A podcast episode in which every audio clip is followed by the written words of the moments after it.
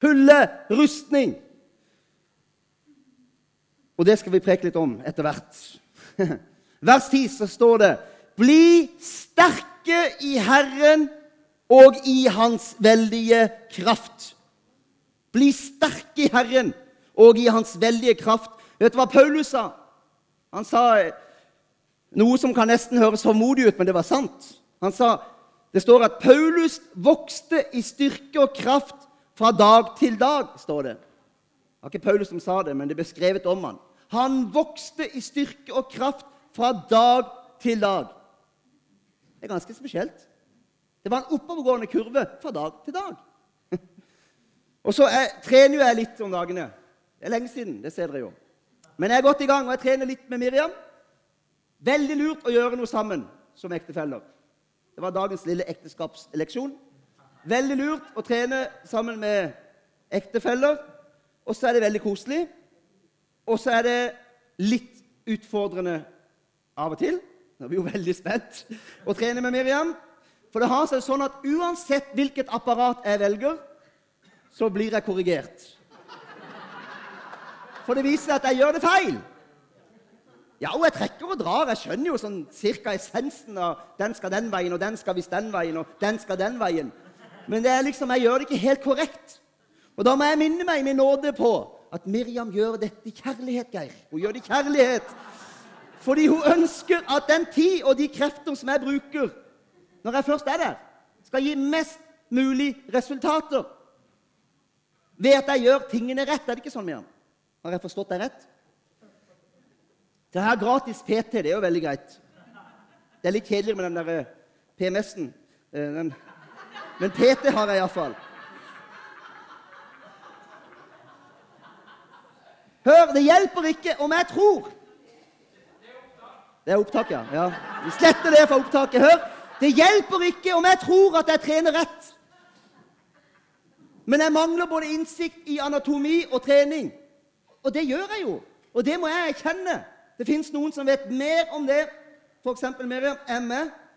Og hvis jeg bare reiser ned på senteret uten mål og mening, og egentlig er der Kanskje mest for å få litt bedre samvittighet.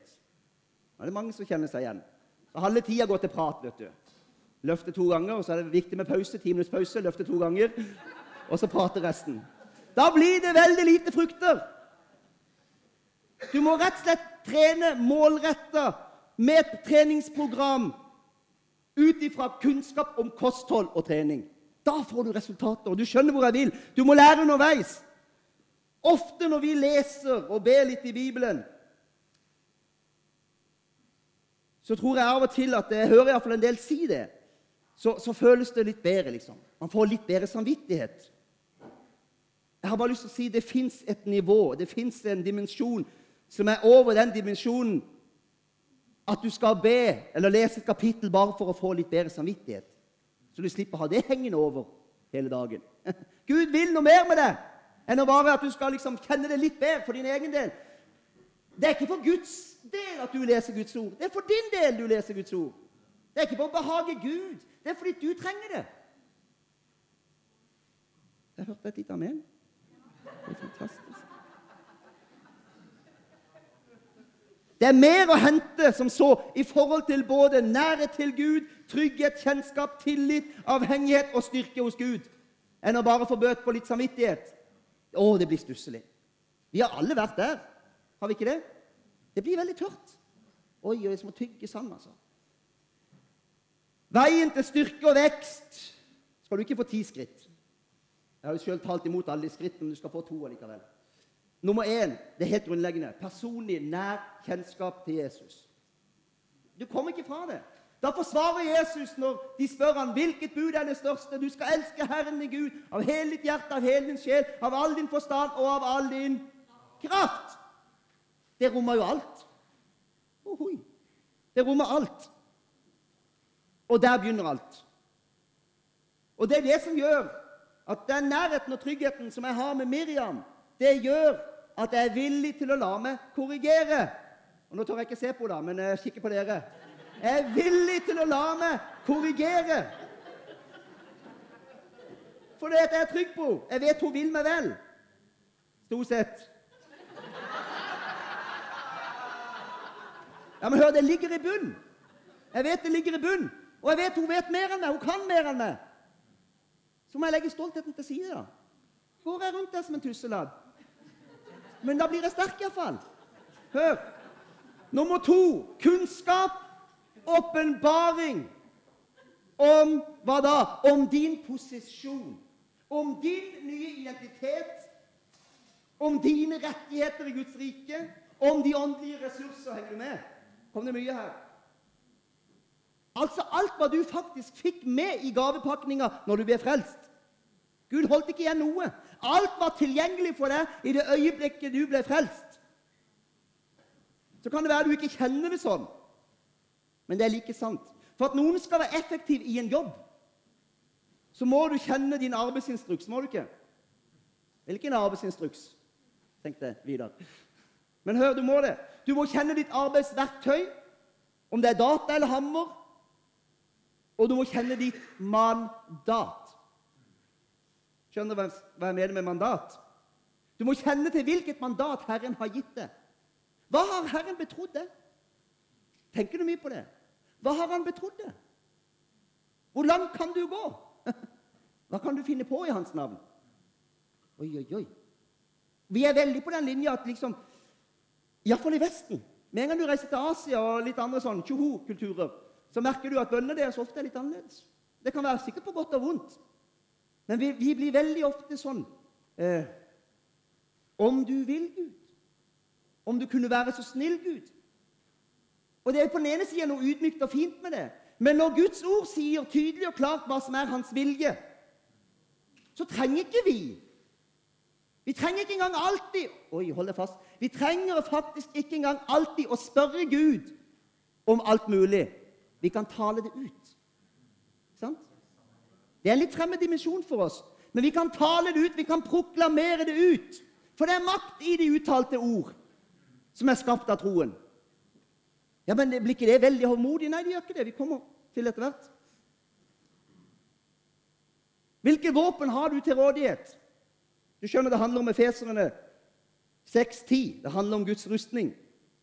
Du må lære å bruke de rett. Det hjelper jo veldig lite å stå med en sprettert mot en tanks. Du skjønner det fort når den kommer nærme. Sånn kan vi føle av og til i, i, i Guds liv vårt òg. Det som vi står og skyter med liksom, blåserør, med erter, mot store, mektige ting som kommer mot oss. Men hør, det er jo litt tragisk om vi holder på sånn, fordi vi mangler åpenbaring og kunnskap i autoriteten som er blitt gitt oss. Altså så står du der med erten din og blåser. Og så har du et arsenal av antitanksvåpen rett ved din side. Og du har det alt sammen her. Hva snakker han om? Ja, det kommer. Du vet, Da får du ikke utnytta potensialet i treningsapparatet, for å ta bruke det bildet, til det fulle.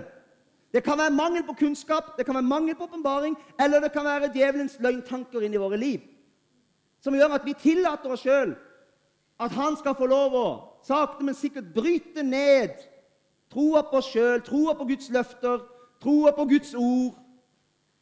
Dette har djevelen gjort så lenge han har eksistert, fra han ble styrta ned fra himmelen. Har Gud virkelig sagt, sa han i Edens hage. Han sier det samme igjen. Kan det egentlig være sånn?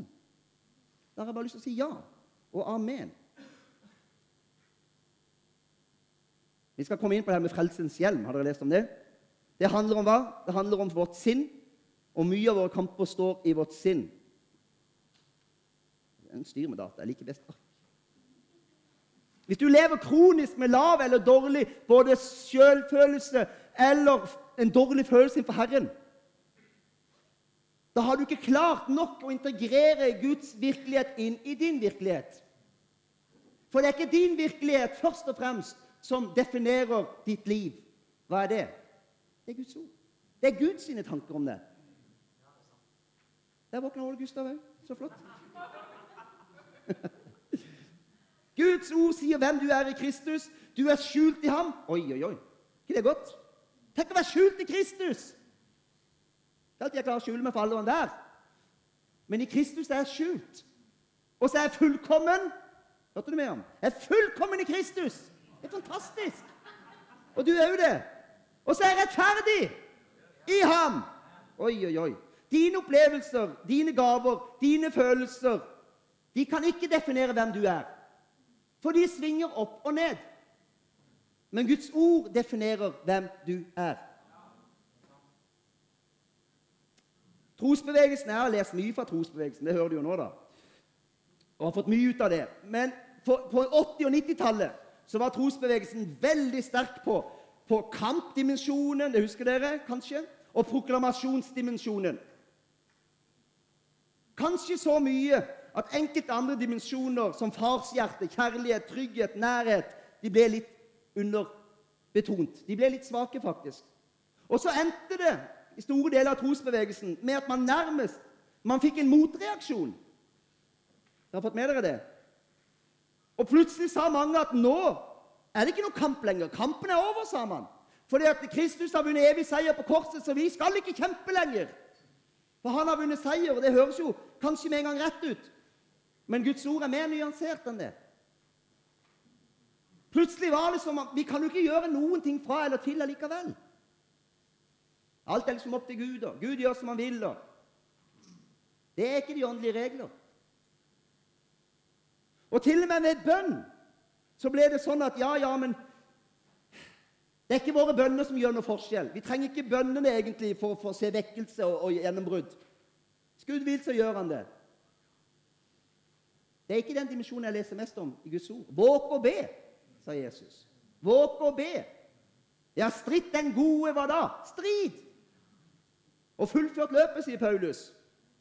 Vår kamp er ikke mot kjøtt og blod, men mot maktene, mot myndighetene, mot verdensherskerne i denne tidsalders mørke, mot ondskapens ånde her. Eh, ondskapens åndelige herskarer i himmelrommen. Vi skjønner det er en kamp. Han vant en evig seier, ja. Men det pågår fremdeles en voldsom kamp i denne verden. Har dere fått med dere det? Har dere merka det, kanskje? Og Du trenger ikke gå ut i verden for å kjenne kampen, du kjenner den i ditt eget kjød. Det er jo lett som bare det. Det foregår en evig kamp, både i, oss sjøl og imot det åndelige. Det står en oss imot. Vet dere det? Det er en som vil at du skal sitte og tenke på andre ting her nå. Der prøvde jeg å få deg tilbake, men det hjalp ikke det engang. Djevelen går rundt som en brølende løve. Artig bilde, det der. Men han er samtidig, ironisk nok, han er slått. Han er overvunnet. En evig ildsjø venter djevelen. Han får sin evige straff. Men enn så lenge så kjemper han med alt han er og alt han har, og han lykkes i stor grad i verden i dag. Det er lett å se. Men det er en vesensforskjell når han møter på det. Hvordan, han, hvordan merker han forskjell når han møter en kristen, og når han møter en som ikke er kristen? Hva tror du? Ser du så kristen ut? Har du annerledes så kjedelig kledd, kanskje? Trist på håret? Nei da, det er ikke det. det er ikke det. Vi har fått Ånden som pant. Og til dere ungdommer det betyr at vi har fått Ånden som kvittering på at Gud har flytta inn i oss. Da forstår du at han, vi har fått hans stempel i panna. Så det er ikke vanskelig for djevelen å se det. For du har fått Ånden i det. Det kan han merke. Du vet, Jeg har sagt før, men jeg sier det igjen. Om du møter en, en, en løve eller Du ser han ikke, men du bare hører han, så fryser du til og blir livende redd. Ja, Det er blitt. Og hvis ikke er du overmodig og mangler noe der oppe. Eh. Men det er klart, hvis du innser at den løven der har verken tenner eller klør, ja, så er det verste han kan gjøre, det er å legge seg oppå det. Det tåler du. Ikke så tunge. Det verre hvis det var en, en, en Jeg vet for noe de store dyrene. En elefant.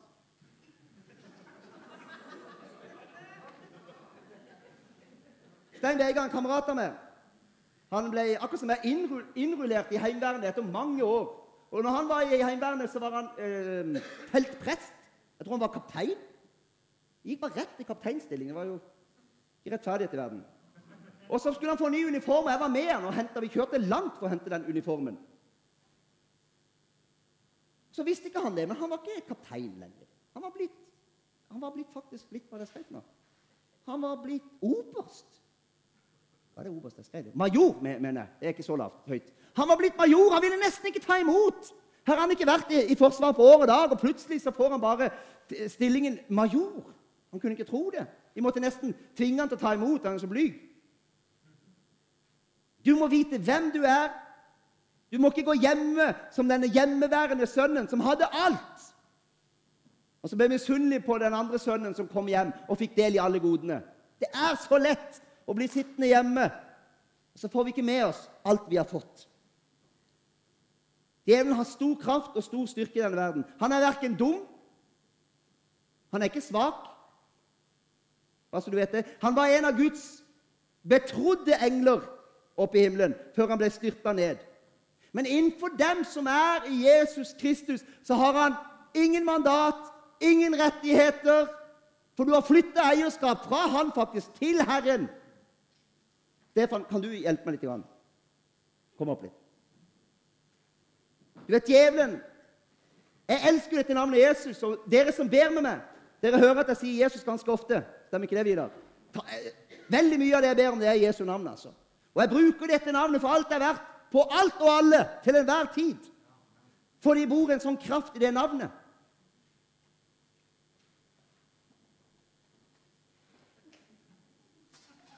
I møte med dette navnet har djevelen null kraft. Det er sant. Ordet som brukes, er faktisk i, i uh, Står det det? Kolosserne 2, 15. Ordet som brukes, er uh, nullet ut. Han er blitt nullet ut. Han ble vanæra på korset. Han ble avvæpna sine våpen. Og så er hans kraft blitt eh, nullet ut. Nøytralisert det er sterke ord som brukes. Men han er ikke utsletta. Han ble vanæra, men ikke utsletta. Han ble ikke fjerna.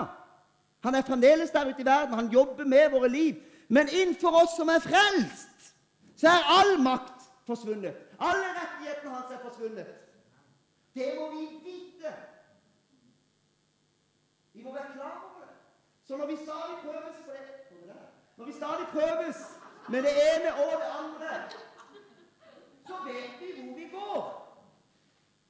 Og så vet vi hva vi gjør, og så vet vi hvilket navn vi skal bruke. For han skyr det navnet. Å, han kan ikke fordra det. Stefan står der. Hvis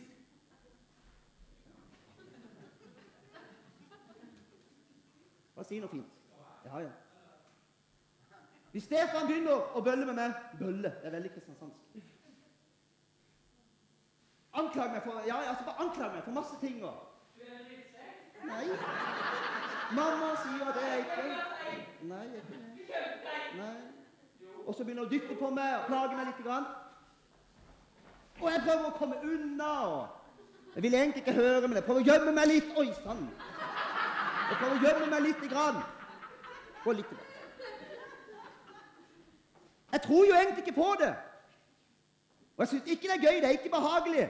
Men på et vis så vet jeg ikke hva jeg skal gjøre. Vi bare står og tar imot, eller prøver å beskytte meg, eller prøver å grave meg ned, eller finne en luke i gulvet jeg kan krype under. Så la meg si deg en ting. Ja, kom igjen, Lasse. Så jeg står sånn her. Det skjer noe veldig radikalt med en gang du gjør sånn. Det er voldsomt. Se! Sånn.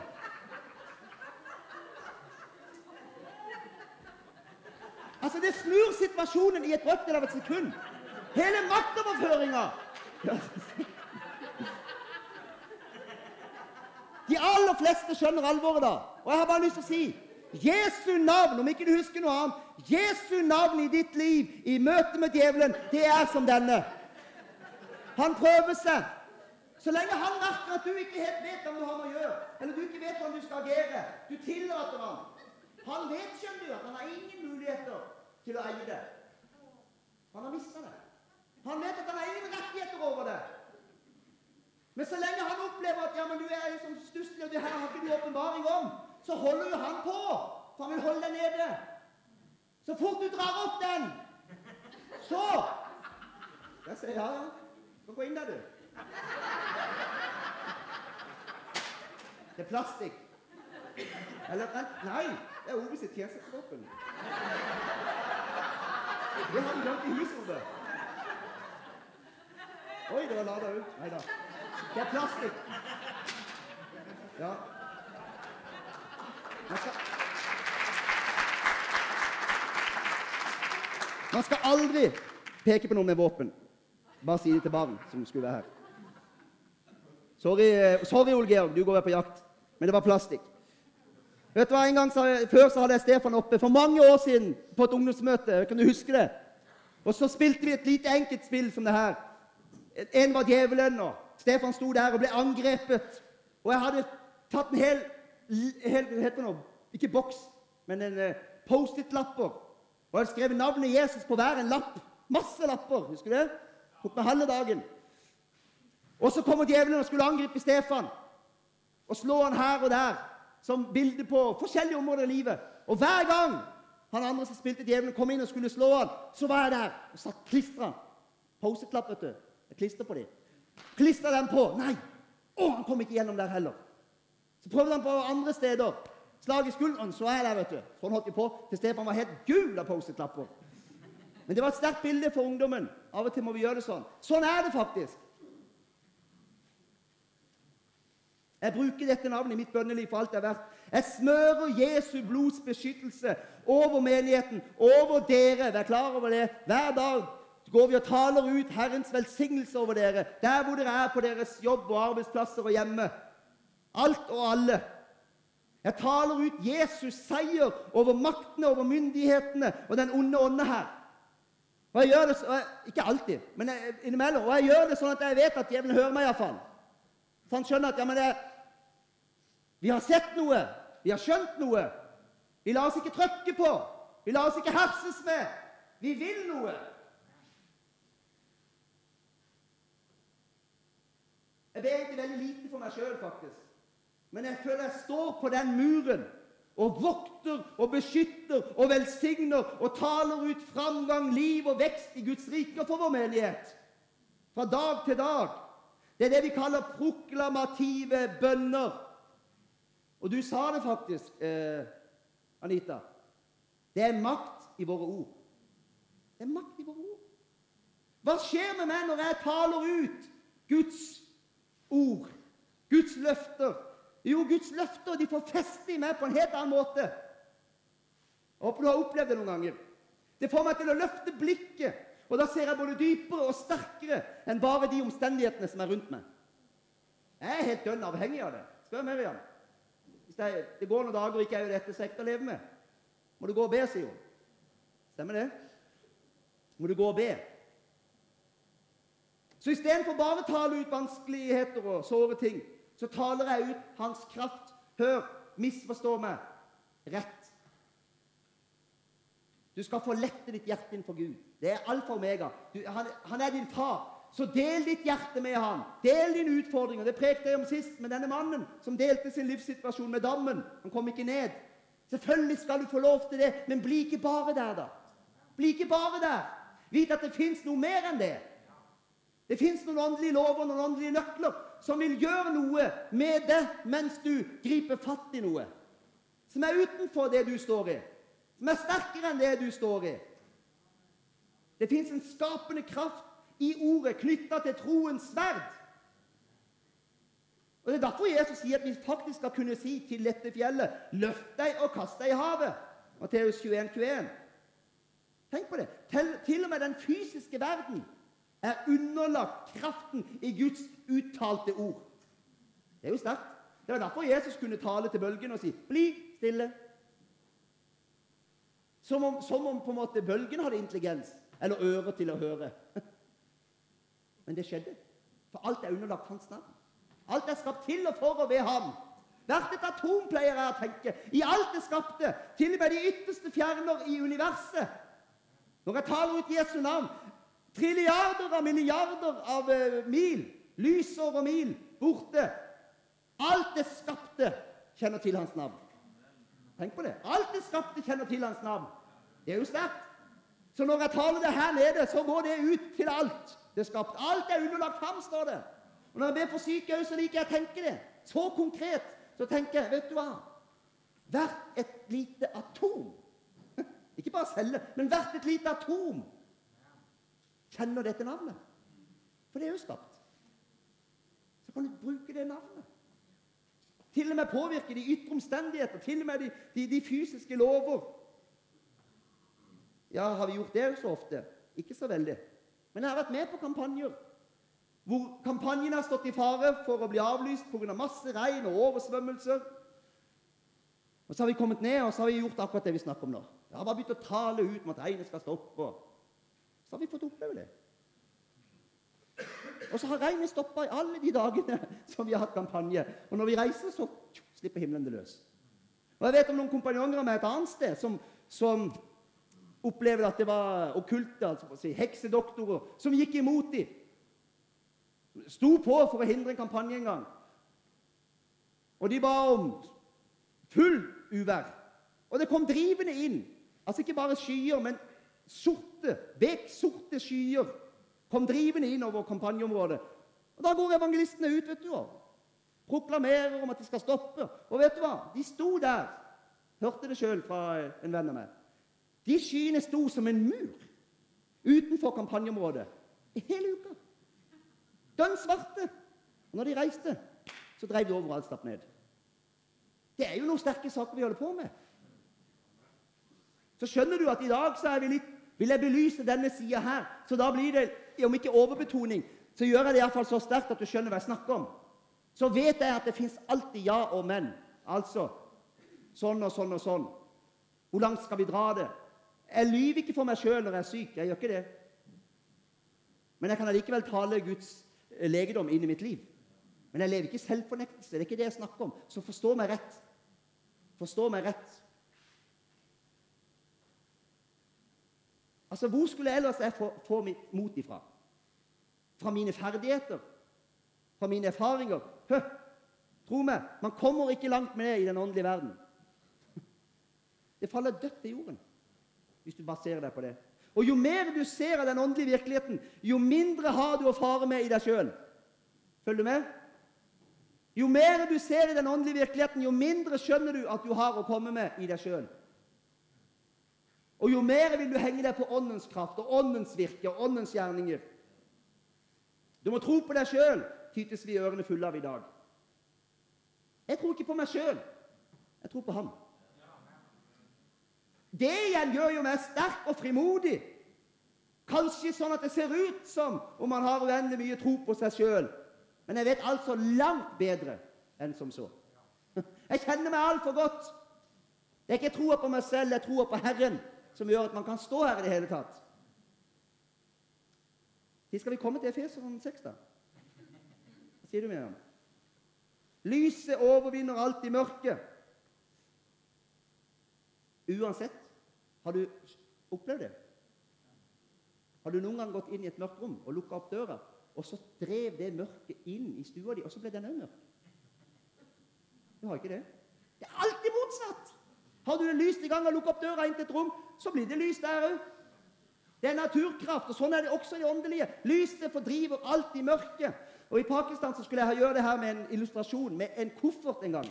Jeg hadde lukt lyset inne. Var du med, Stefan? Jeg hadde lukt mørket inne i kofferten, og så skulle jeg liksom slippe ut det mørket. Og så, fordi jeg sa nå skal vi mørklegge hele området med det mørket jeg har her inne. Selvfølgelig. Det gikk jo ikke sånn. Mørket fordunsta jo når lyset kom til. Det var en sterk illustrasjon. Men jeg hadde jo brukt Og så skulle jeg bruke et lite stearinlys. Jeg tror Inge sa det i sommer. Så hadde jeg tent et lite stearinlys. Etter mange forsøk og mye famling.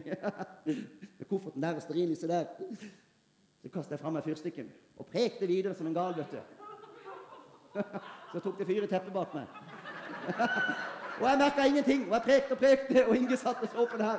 Så han måtte reise seg forsiktig. Ja.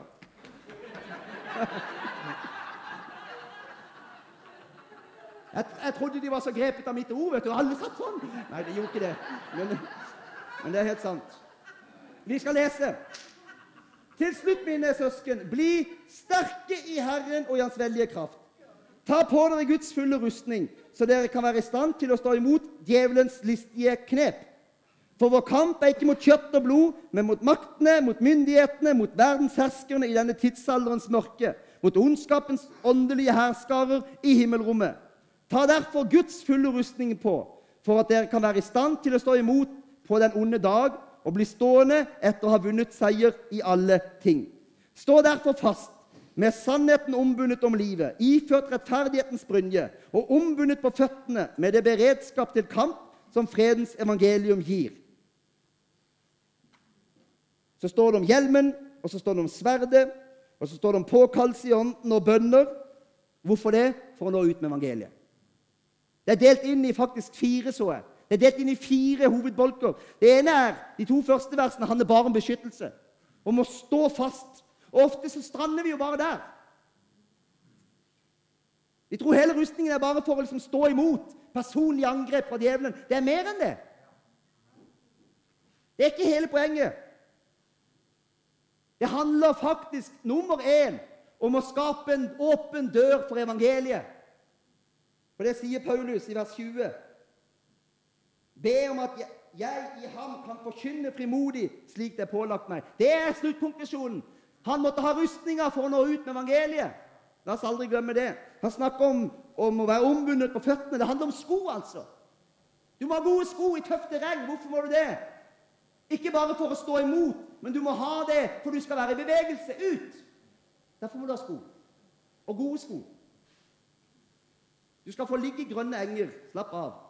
Jeg kan arrangere soaking en hel uke for deg. Det er helt topp, og det skal vi holde på med. Og vi elsker det jo. Vi og Vi vi soaker ganske mye her. Vi skal se oss. Lovsang på. Av og til så proklamerer vi. Av og til så Vi har noen bønnemøter det har ikke vært sagt et ord. Sånn? Dere tror det ikke, men det er sant. Kom og se sjøl. Du skal få ligge i grønne enger, og det er alfa og omega at du får det der på plass først. Nærheten til Herren, tilliten til Herren, tryggheten i Herren. Men ingen har sagt at du skal ligge der for evig og alltid. Din lattsam. Du er barn. Men du er ikke bare barn, skjønner du. Du er også soldat. Og Paulus han bruker kampmotivet masse. Han, sier, han slår ikke som en skyggebokser i løse lufta, sier han. Nei, han er målretta. Han slår inn i den åndelige verden fordi han har sett noe, han har skjønt noe, han har erfart noe.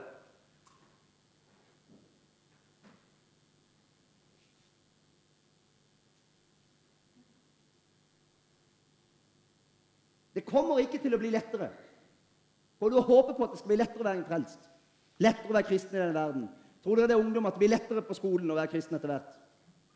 Jeg tror, jeg tror, ikke det. Jeg tror det blir vanskeligere og vanskeligere. Og vi merker det i media i dag hvordan vi harseleres med, kalles mørkemenn, og det blir trangere og trangere. Er det bare meg som merker det? Er dere merker det? Vi blir på en måte satt til side, liksom. Latterliggjort. Det er bare begynnelsen. Hvem vet hvor lenge vi får holde på i frihet som vi gjør i dag?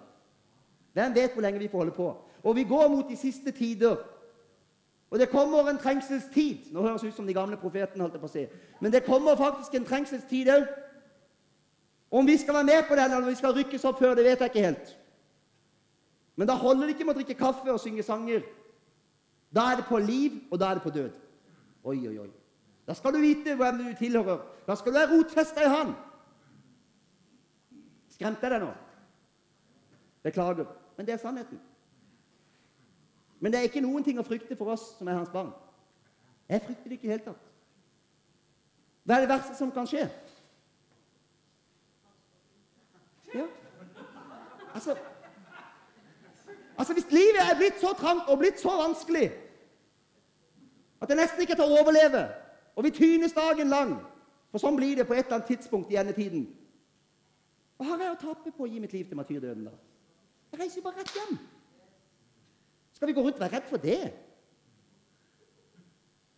Noen dere ser helt forskremt ut.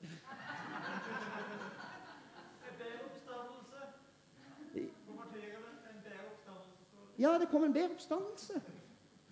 Vi har ingenting å frykte. Stå fast, står det. Vær ikke som en bølge på havet som driver hit og dit. Vær grunnfesta i ham, grunnfesta oppbygga i ham som er troens opphavsmann. Sannheten ombundet om livet, hva er det, da? Jesus er veien, sannheten og livet. Livet var beltet, det holdt opp hele rustningen. Det holdt opp sverdet. Så uten Jesus Sannheten, ord om korset, alle de bibelske sannheter. Uten de ombundet rundt oss, så detter jo alt av. Står du naken der hvis de kommer springende mot deg? Ja.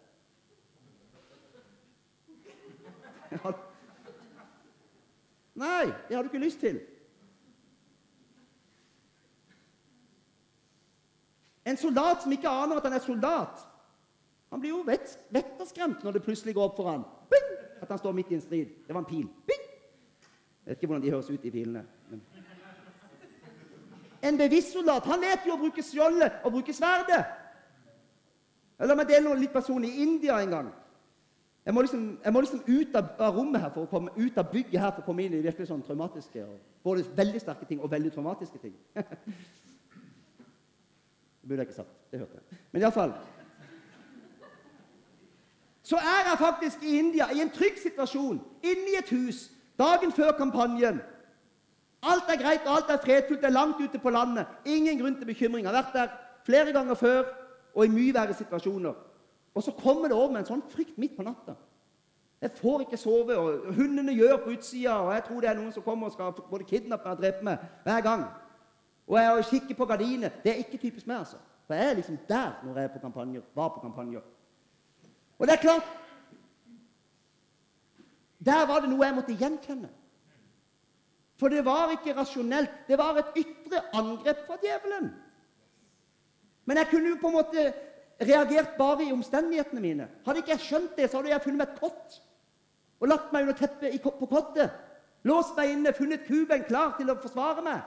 Da hadde jeg gjort noe, da hadde jeg grepet fatt i omstendighetene for å bedre på en situasjon. Trengte ikke det, for jeg skjønte det her er jo ikke, har ikke noe med virkeligheten å gjøre. Det er et angrep. Hva kan du gjøre da? Kan du gjøre akkurat det vi har talt om? Kan bruke Guds ord. Tale Guds seier og Guds fred. Og så la det seg. Sov som en unge. Kom aldri tilbake i resten av kampanjen. Så har det vært andre kampanjer som har vært tvert motsatt. Hvor vi faktisk har vært i reell fare med mordtrusler som man sitter og hører på sjøl på telefonen, veisperringer midt i mørket der, og pistoler som har blitt avfyrt på det verste. Og så opplever man helt tullete, egentlig, nærmest sånn overnaturlig følelse av djervhet og mot og beskyttelse, nesten på grensen til menneskelig galskap. Ja, kom igjen, liksom. Skyt meg. Jeg har panser. Nesten sånn følelse. Det er ikke noe du kan ta deg til, altså. Og langt derifra. Og jeg har vært både der og vært både der. Og Det er bare Guds ord som er redningen. Jakob sier, 'Min søsken, regn alt bare som glede når dere blir utsatt for forskjellige prøvelser.' For det virker til tålmodighet. Ja, men da må du vite det, da! Så ikke du tror Gud har forlatt deg hver gang det blir prøvelser, hver gang det blir vanskelig, hver gang det blir motstand. Du må kjenne Guds ord, du må vite at ja, det er ikke Gud som, som har trukket seg bort fra meg fordi jeg står i prøvelser. Kanskje han faktisk bare herder meg litt. Kanskje han styrker troen min? Kanskje han øker tålmodigheten min? Det gjør at du kan jo takle livet mye bedre hvis du kjenner Guds ord. For du forstår litt mer hva som skjer i livet ditt. Voldsomt som jeg var på i dag. Vår, vårt sverd som vi leste om, det er ikke vår sterke eller vår svake tro. Og det er jeg så glad for. Det er ikke min utrustning eller din utrustning, det er ikke din opplevelse med Herren, det er ikke dine nådegaver. Det er Guds ord og åpenbaring over ordet. Det er det faktisk. Hvorfor skal vi ta på oss Guds fulle rustning? Så vi kan forkynne ordet. Hva er metoden, da? Det har vært veldig fristende å si vi må bare lovsynge. Jeg tror på lovsang av hele mitt hjerte. Jeg hører på lovsang hver en dag. Lovsang er en kjempestor og viktig del av mitt liv. Men det er faktisk ikke det som står. Det er bønn bønn. Det er åndelig kamp, og det er bønn. Det er metoden for åndelig krigføring. Først og fremst. Tør å være litt proklamerende i dine bønner. Du er jo det i sangene. Johannes, du sang jo noen veldig proklamative sanger. Da synger du. Merker du at de gjør noe med det, de proklamative sangene? Yes, det er sant. Du hører sannheter som griper deg i hjertet. Hvorfor gjør du ikke det i bønnen? Gjør det i bønnen. Og så kan det være at de rundt deg syns at Oi, hjelpe meg. For de er vant til litt mer sånn hverdagslig snakk i bønnene. Og det skal vi ha, og det er fint. Når du begynner å proklamere, så dette kanskje noen av tenker det var da voldsomt. Nå lar du liksom om her. Kan du ikke være normal? Ja, men det er bare sånn at eh, når kulene fyker rundt deg, og du står midt i striden og skal bare holde sverdet oppe, eh, skjoldet oppe og fekte med sverdet, så er det ikke like lett å prate helt rolig og avslappa alltid. For det raser rundt det. Kan være du kommer litt ekstra på. Er ikke det greit, da? Skal vi ikke ha begge deler? Vi kan soke, vi kan bare søke, vi kan bare være stille. Og av og til når Ånden leder oss til det, så tør vi òg å arrestere og sette foten på eh, Du er jo pinsevenn, du kjenner igjen det her. Setter vi foten på noe, så begjærer vi det. Og så tror vi for det. Sånn har jeg egentlig levd stor del av mitt liv, og lever fremdeles. Kjent i dag. La oss ta frem noe av det der. Bruk tungetalen til avslutning.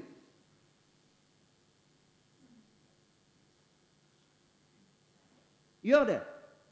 Ja, men jeg, preker jo en del tunge, men jeg vet ikke hva jeg får helt ut av det. Ja, men gjør det igjen. Fortsett. Sett på lovsang hvis det hjelper deg. Jeg har nesten alltid på det.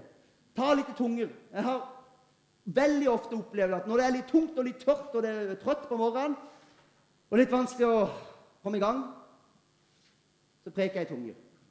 Videre. Så vandrer vi rundt her. Preker i tunger, preker i tunger. Ingen skjønner kvekk. Men ånden jobber. skjer noe i ånden. Og plutselig så kommer han inn på noe. Så her for en tid siden Ikke for løfte opp meg sjøl, for Vidar gjør det samme, og andre gjør det.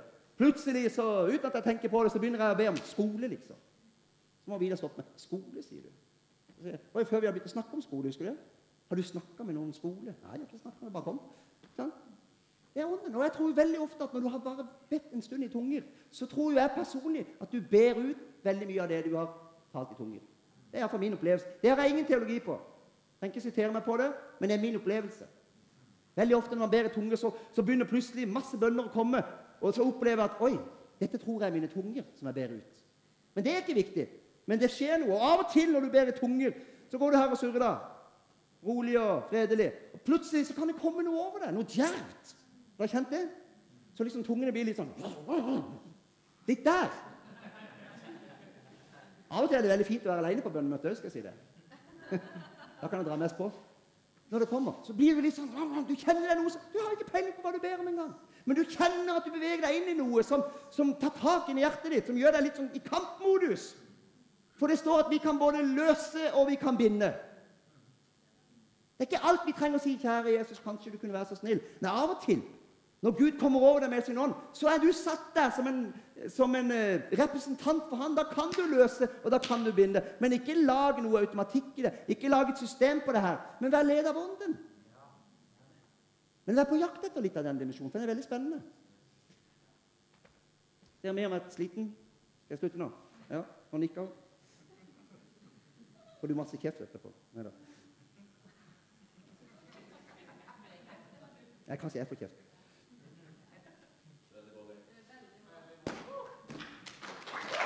Ja, ja.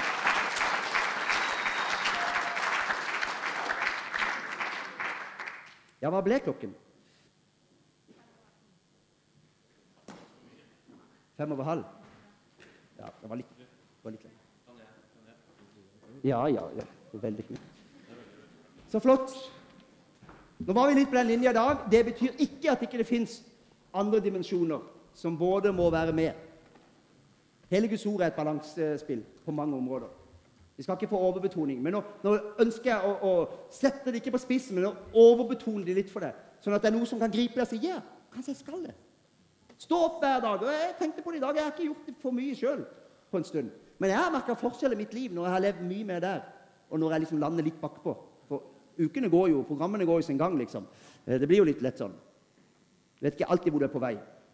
Jeg har merka stor forskjell i mitt eget liv. Plutselig kommer det en sånn en overvinnende tro som gjør at liksom, du, du, tenker alt er mulig. Ingenting skal stoppe oss. Og skal du ha skolene på skolen der, så har du jo liksom Du har stått der hjemme og vært i kampmodus lenge. så du, du, du, står ikke der og føler på hva vil de tenke, og de syns sikkert jeg er rar. Det er borte vekk. Herren har vært over det. Ja. Amen.